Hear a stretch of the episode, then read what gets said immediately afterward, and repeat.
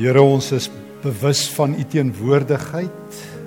Here u is die heilige op u troon, die almagtige, die een wat is en wat was en wat weer kom, die ewige Here. Jesus Christus, u is die getroue getuie. U is die eerste en die laaste, die lewende. En Gees van die Here, U is die een wat uitgestort is oor al die nasies en volke wat U naam bely. Wil U o Here ook nou by ons wees. Wil U vir ons 'n nuwe visie gee van U van U hemel, van U teenwoordigheid, sodat ons hier op aarde getroos goed en reg kan lewe tot die eer van U naam. Laat U naam geëer word in die naam van Jesus. Amen. Iemand vra nou die dag vir my, wat is God se wil? En ek antwoord vir hom soos in die hemel, so ook op die aarde. Terwyl hy vir ons sê ek vir hom, jy bid sekerlik die onsse Vader gereeld. Die Here beveel ons om die onsse Vader gereeld te bid, so het Jesus ons geleer. Ek sê en sekerlik die bekendste frase op die aarde, seker een van die heel bekendste frases uh in die Christendom is die uitdrukking soos in die hemel, so op die aarde. Bid so, dit is God se wil. En ek sien hy hy sukkel en toe sê ek o, jy sukkel met dieselfde probleem as wat ek ook gehad het. Ek het my lewe lank baie gebede gebid en nie mooi geweet wat ek bid nie. Soos ook met die onsse Vader. Want ek kom agter baie mense as hulle oor God se wil praat, vra glad nie soos in die hemel, so op die aarde nie. En dis presies wat Jesus ons geleer bid het. Hy sê as jy vir God se wil vra in jou lewe, dan bid jy soos in die hemel, so moet dit op die aarde gebeur. So as jy nie weet hoe dit in die hemel gebeur nie, hoe gaan jy nou weet wat jy bid en hoe gaan jy ooit reg God se wil bid? Daarom kom ek agter as meeste ouens bid, stel hulle glad nie belang hoe dit in die hemel is nie. Here, wat gaan vir my werk? Here, moet ek Perth of Pofadder toe gaan? Moet ek met Sari of Mari trou? Here, ek stel nie belang wat in die hemel gebeur nie. Nee nee, as jy 'n Christen is, het dit alles daarmee te doen.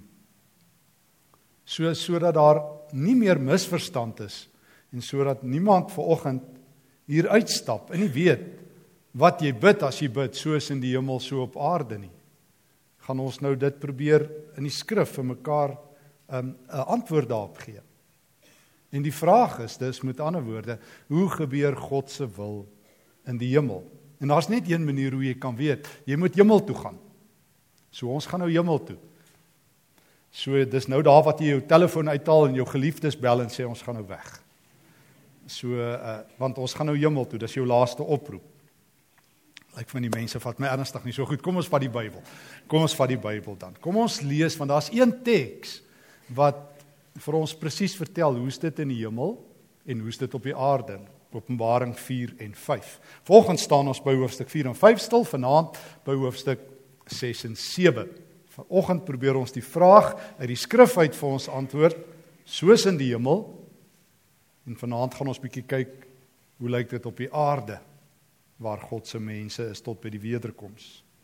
Johannes die skrywer kry 'n wonderlike geleentheid in hoofstuk 4 vers 1.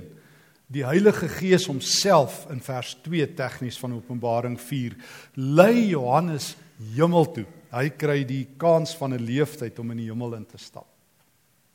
En nou vertel Johannes vir ons van die wie's wie en dan vertel hy vir ons van die wat's wat in die hemel. Eers sê hy vir ons wie is daar en tweedens sê hy vir ons wat doen hulle. En is lewensbelangrik dat ek en jy dit weet, want ons is mense wat gemaak is vir die ewigheid. Christene dra die ewigheid in hulle harte. Christene is mense wat 'n ewigheid lank gaan lewe.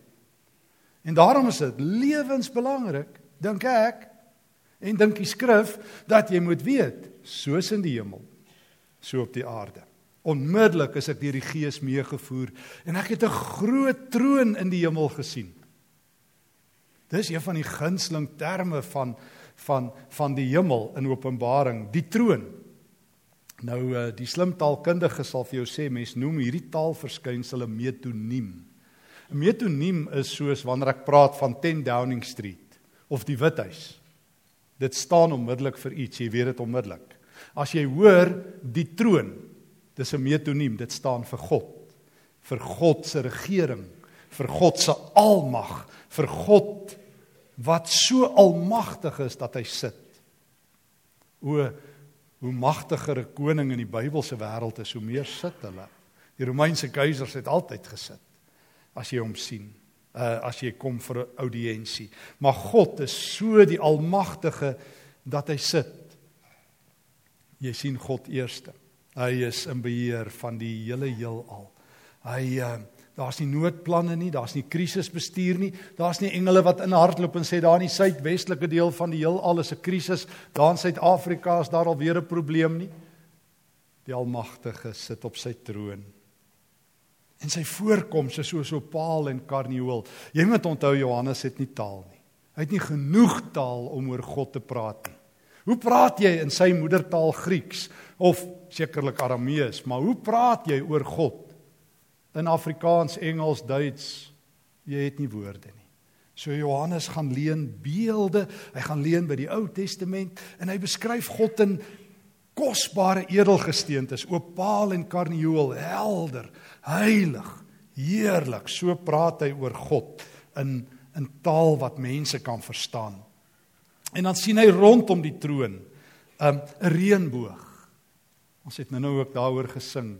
Waarskynlik wil Johannes vir ons vertel van die verbondsgod. Waarskynlik wil hy vir ons terugvat om vir ons iets te vertel van dis die God wat getrou is aan sy woord. Die God wat reeds in Genesis 6 gesê het ek sal nie my wêreld laat vergaan nie. Um en prys gee nie en 'n reënboog gegee het. O, dis die verbondsgod wat op sy troon is. En vers 4 reg rondom die troon is daar 24 ander trone. Nou Johannes gee vir ons later 'n leidraad. As jy lees tot daar by hoofstuk 20 vers 15 tot 22 vers 5, vat hy ons in die nuwe Jerusalem in. Die nuwe hemel en die nuwe aarde.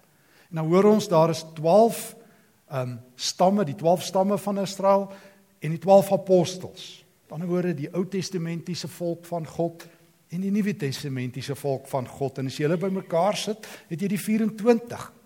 En hulle sit reg rondom God se troon.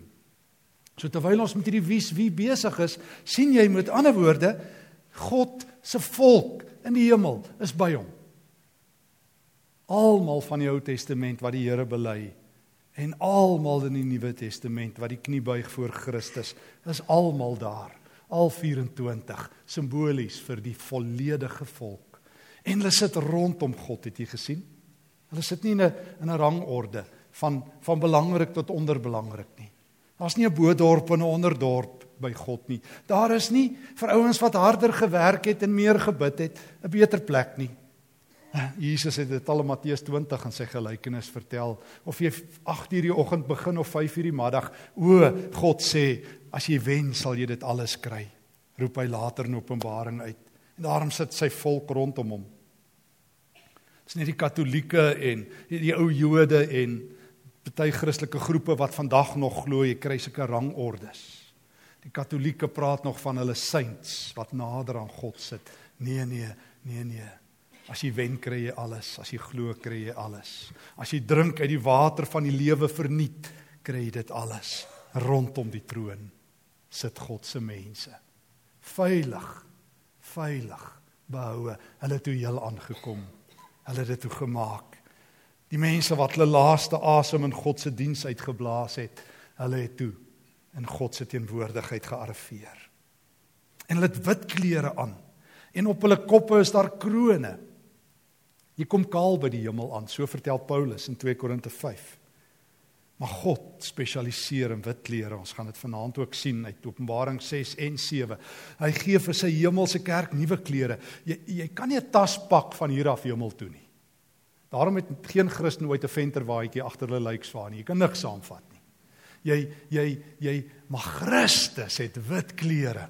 As die vyfde seël oopgaan in hoofstuk 6 wat ons vanaand by gaan stil staan, dan sien ons dan gee hy vir sy hemelse kerk wit klere. En ons hoor in hoofstuk 7 hierdie met die wit klere aan. Daai wit klere is gewas in die hemelse wasmasjien met die bloed van Jesus as die as die reinigingsmiddel. Die wit klere is gewas in die bloedrooi bloed van die lam. Is daar 'n mooier beeld in die hemel? Is daar 'n mooier beeld in die Nuwe Testament? Dat dat die wit klere van gelowiges, die die nuwe klere drag van die hemel, Christus gesertifiseer is, Christus gewas is, Christus gereinig. En daar sit hulle en hulle het krones. En dan want hulle het gewen. Die hartseer is verby. Die geveg is agter die rug. En dan sien ons in vers 5 daar's weerligstrale en dreenings en donderslaa, want dit is God, dis die heilige, die allerheiligste. Dis die God wat op op op op op die berg verskyn het in Eksodus 20 en die berg het gedreun. Dit is die almagtige wat van ewigheid tot ewigheid daar is. En vlak hier by sy troon sewe helder vakkels, die sewe geeste van God. Nee nee, daar's nie sewe heilige geeste nie, dis simboliese taal. Sewe is God se getal in hierdie oomblik. Die Heilige Gees in sy volheid. Die raadsman van God. God het nie 'n raadgewer nie, maar die Gees wat deel is van God wat die hart van mense ken en die hart van God ken, is daar by hom in sy volheid. Die Heilige Gees, die hemelse kerk, die Vader op sy troon. Vers 6 en voor sy troon soos 'n spieelgladde see, soos kristal. Ek dink Johannes wil vir ons sê hy wil nog iets simbolies hierdeur vir ons vertel. Jy moet onthou, die ou Grieke en die Romeine het geweet van gode, baie al hulle mitologiese gode. En daar was 'n klompie wat die so 'n bietjie in die water soek was. Veral die ou hoofgod van die see, Poseidon. Die ou wat Aquaman so baie moeilikheid gee. Hulle hulle beheer die see en hy skud die see en skommel die see. En van die Jode het gedink uh by geleentheid te Satan ook in hierdie onstuimige see, hierdie wêreldsee, in hierdie sataniese storm wat op die aarde woed. O, maar die hemel is 'n Satan-vrye sone in die Nuwe Testament. Oor die Satan is afwesig, so by die wies wie in die hemel loop hier nie meer die Satan raak soos in Job 1 en 2 of in Sagaria 3 nie. God is almagtig, hy is op sy troon, sy gees is daar, sy mense is daar. En ook die vier lewende wesens. Johannes gaan leen hierdie beeld by Jesegiel 2, die ehm um, die leeu en die ehm um, en die uh, mens en die vliegende dier en die makdier, die bil wat simbolies is van van die skepping. Kyk God se skepping leef. Ja, dis nie gode nie, maar jy onthou tog hoe die skepping God se lof besing in die Ou Testament. Die berge, die bome. Jy onthou hoe God by geleentheid, waar's dit Micha 5, die um, berge as getuies inroep teen sy volk. Jy onthou in Josua 24 hoe Josua klip regop sit en sê hierdie klip sal teen julle praat eendag as julle gelieg het vir die Here. So God se skepping is by hom. Hy's nog altyd die skepper God. Hy's nie net die sielewenner nie. Hy is die skeppingwenner.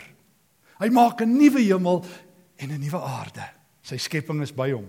Die skepping volgens Romeine 8 vers 23 wat sug, wat ly, wat vernietig word deur mense. God is die skepper. Die wies wie in die hemel sien Johannes. Die Almagtige op sy troon, die Heilige Gees. Hy sien die hemelse kerk, God se skepping. Dan hoor hy wat doen hulle? Uh, dan skuif hy na die wat's wat toe. Hy hoor in vers 8 dat dat ehm um, die ehm um, dat daar hierdie lof uitbreek. Ehm um, hierdie lewende wesens roep uit heilig, heilig, heilig is die Here God, die Almagtige wat is en wat was en wat weer kom. Hy hoor aanbidding. Hy gebruik Jesaja 6 se taal van die serafs. O God word geloof. Johannes sê sien en nou hoor hy. En en elke keer vers 9 wanneer die hemelse um die die die skepping God aanbid in die hemel vers 9 dan um kniel die 24 ouderlinge. Die hemelse kerk gaan op hulle knieë en hulle aanbid hom tot in ewigheid. Hulle sit hulle krones voor hom neer. Vers 11 en hulle sê Here ons God, U is waardig om die heerlikheid, die eer, die mag te ontvang want U het alles geskep. Die Skepper God word in die hemel aanbid. So as jy bid soos in die hemel so op aarde, wat gebeur in die hemel? O God word aanbid. O daar's vrede. O daar's 'n 'n ewige crescendo van lof. Die Skepper God het nie sy skepping afgeskryf nie. Terwyl jy en ek hier lê, ons beker drink, sing die hemelse kerk lof aan God wat heers. Maar daar's 'n probleem. Iemand ontbreek in die wies wie. Iemand is afwesig. En as jy die Bybel reg lees soos hy veronderstel is om gelees te word en jy lees 'n uh, 'n Bybelboek hoofstuk vir hoofstuk deur, dan moet jy op hierdie punt sê, Johannes, hier's 'n fout. Is Paulus dalk reg? Paulus wat in Korintiërs 15 uitroep, uh, ons is net dalk die ellendigste van alle mense. Net dalk is die grap op jou en my as wat nie gebeur het nie. As Christus nie opgestaan het nie. Christus is nie in die hemel nie. Dis 'n fout Johannes. Johannes moenie vir my sê Paulus is reg nie. Hy sê ons is die beklaanswaardigste as alle mense opgestaan het. Maar Johannes, Paulus sê hy het. Waar is Jesus? O, hoofstuk 5 antwoord, want jy moet die woord aanhou lees. In hoofstuk 5 kan jy presies histories bepaal ongelukkig is baie van die chaos wat mense moet openbaring aanvang. Ehm um, ek dink altyd as daar 'n is daar 'n waarheids- en versoeningskommissie is vir klagte en misdade teen die Bybel, sal die meeste ouens vir openbaring daar staan. Hoe hulle hierdie boek verwoes. Want jy moet die boek deurlees en as jy hom so lees in hoofstuk 5 dan hoor jy Jesus kom aan in die hemel.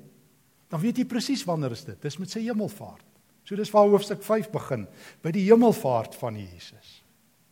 Jy en ek as ons as ons die Here se woord ken, was saam by Matteus 28 toe Jesus op die berg hemel toe gegaan het.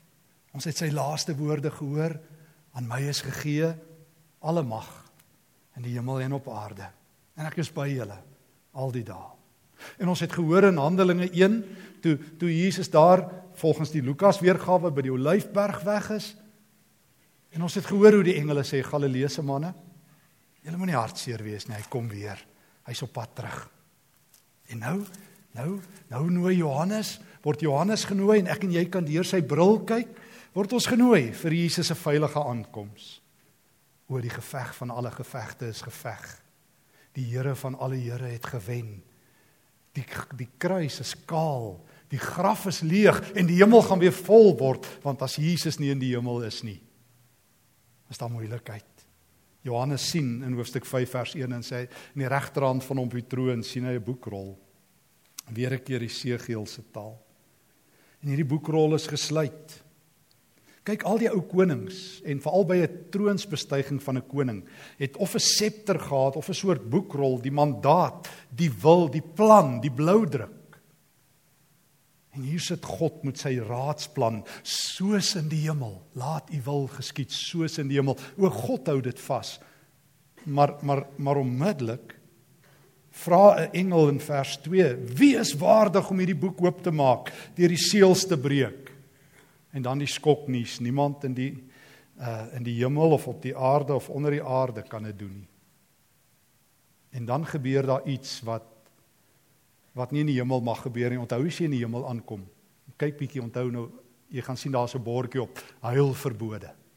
Jy gaan dit sien as jy daar is. Niemand huil daar nie. Jy huil jou huile klaar, jy treur jou treure klaar hier op aarde. As jy by God kom, is dit feestyd.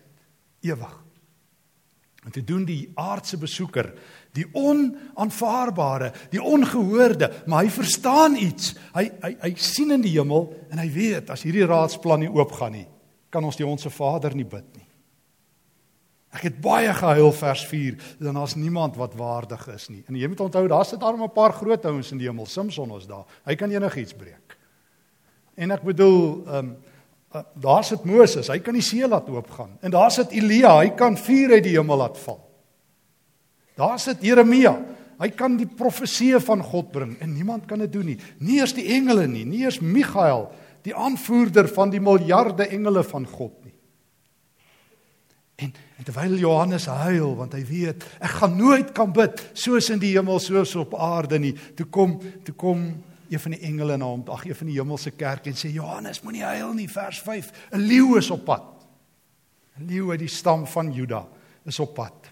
Die afstammeling van Dawid. Hy het die oorwinning behaal. Hy gaan die sewe seels oopmaak. 'n Leeu is op pad Johannes. Onthou jy?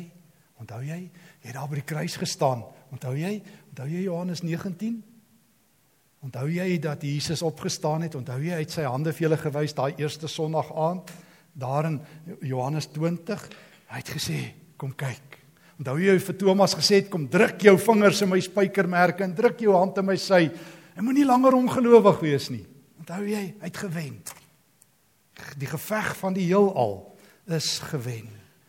Die oorwinnaar, die triomfator, Christus die Here is op pad. Hy oor wie die engele gesing het in Lukas 2.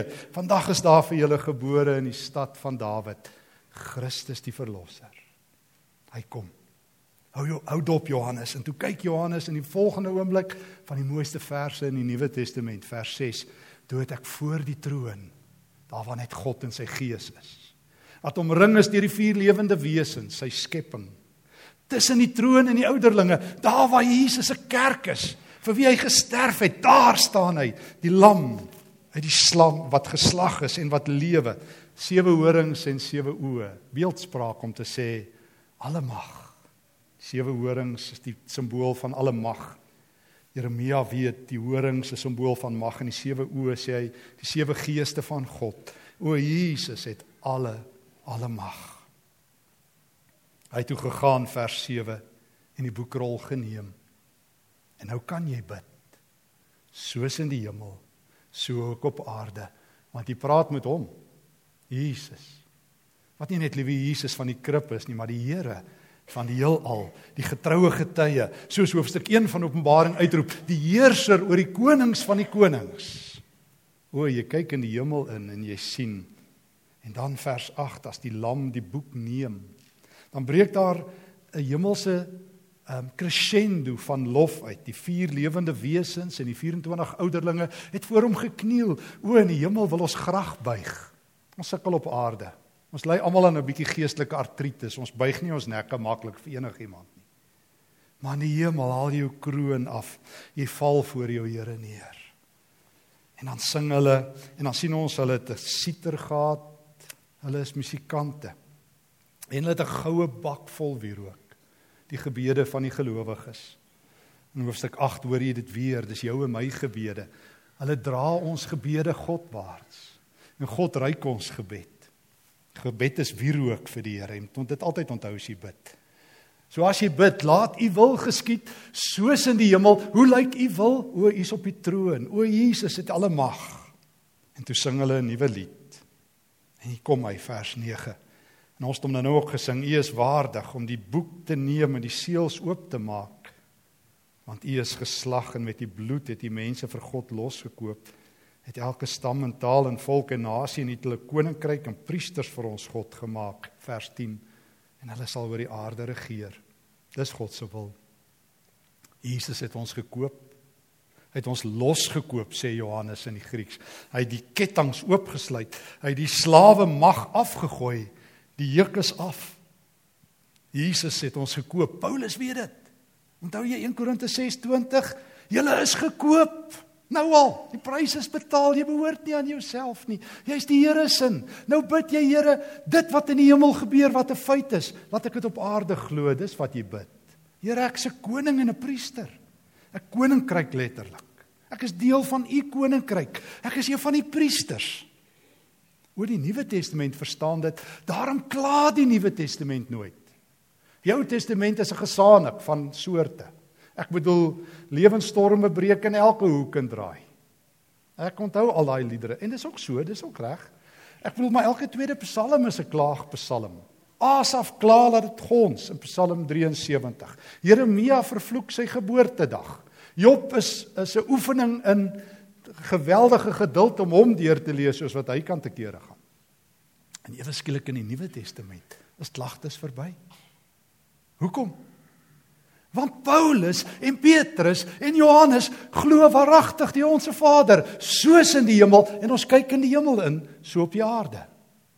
Daarom slaan hulle Paulus stikkend in Handelinge 16 en dan sing hy 'n loflied.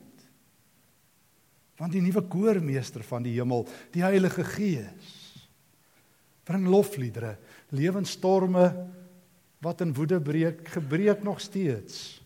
Maar wanneer jy bid soos in die hemel, kyk jy saam met die hemelse kerk in die hemel in en sien jy Christus op sy troon en kan jy nie klaar nie. Ek meen, hoor jy eers dat leef van die NG Kerk se goue oues sing, uh, uit dieptes gans verlore, van redding ver vandaan, waar hoop se laaste spore en wanhoop net om dit te sê maak my klaar. Maar ek onthou het ons orgelis dit nog gespeel as hy 'n goeie by was. Ehm um, dit is die Nuwe Testament kan nie klaar nie want jy sien die hemel.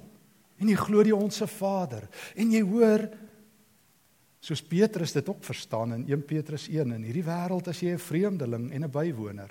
Hier is jy niks. In Suid-Afrika beteken jou lewe baie keer ook niks. O maar nie by Christus nie.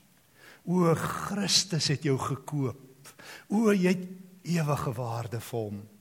Jy is in sy naam geskrywe in sy boek. Met sy bloed het hy jou losgekoop.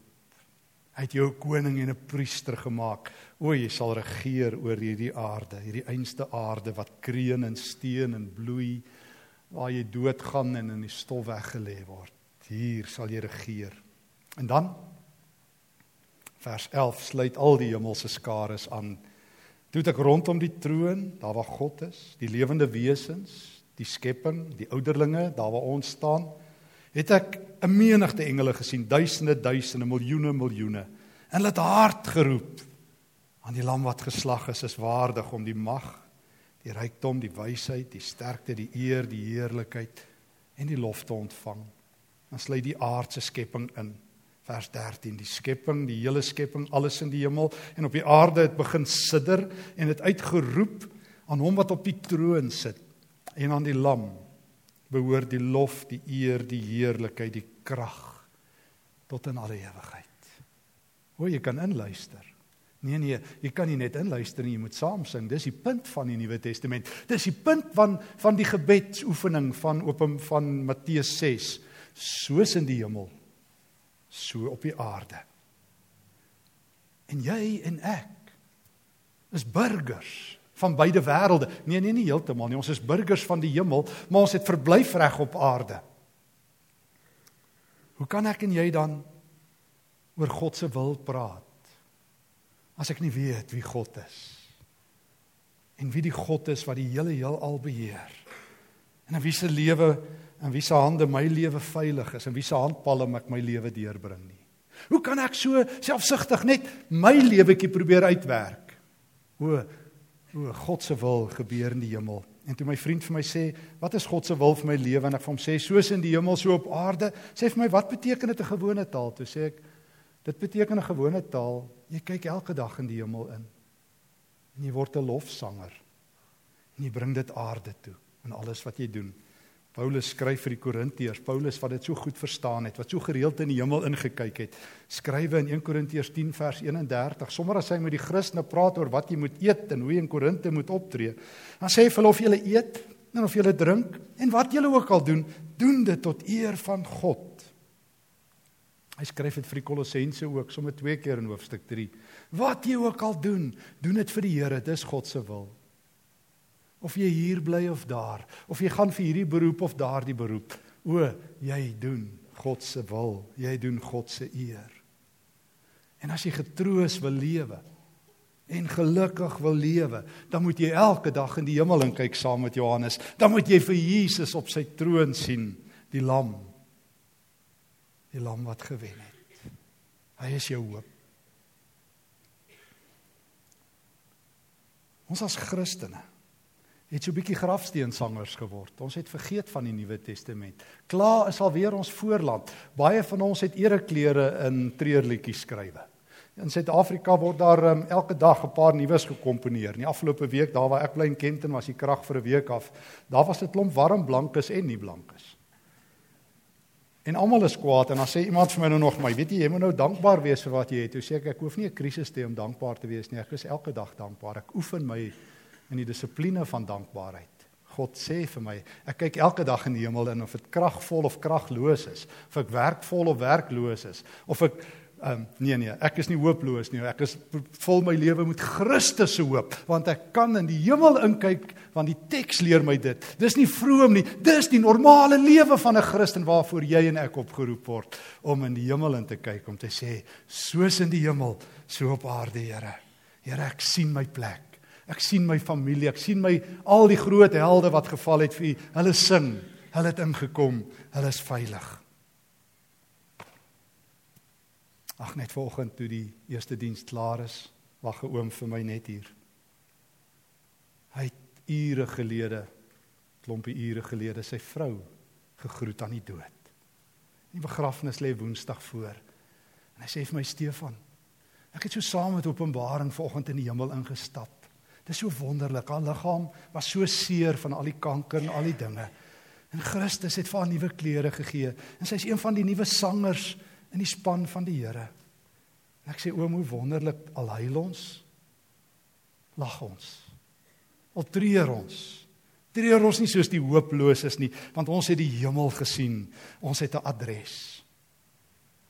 Dit bekommer my dat ek en ek moet dit weer sê en ek het dit al 'n paar keer gesê, ekskuus as ek dit nog 'n keer herhaal, maar dit bekommer my so baie keer dat ons as Christene almal hier in Pretoria aan die ewige lewe glo, maar niemand wil eintlik gaan nie grootste wonderwerk wat God vir die meeste ouens maar kan doen is om jou van die ewige lewe te bewaar.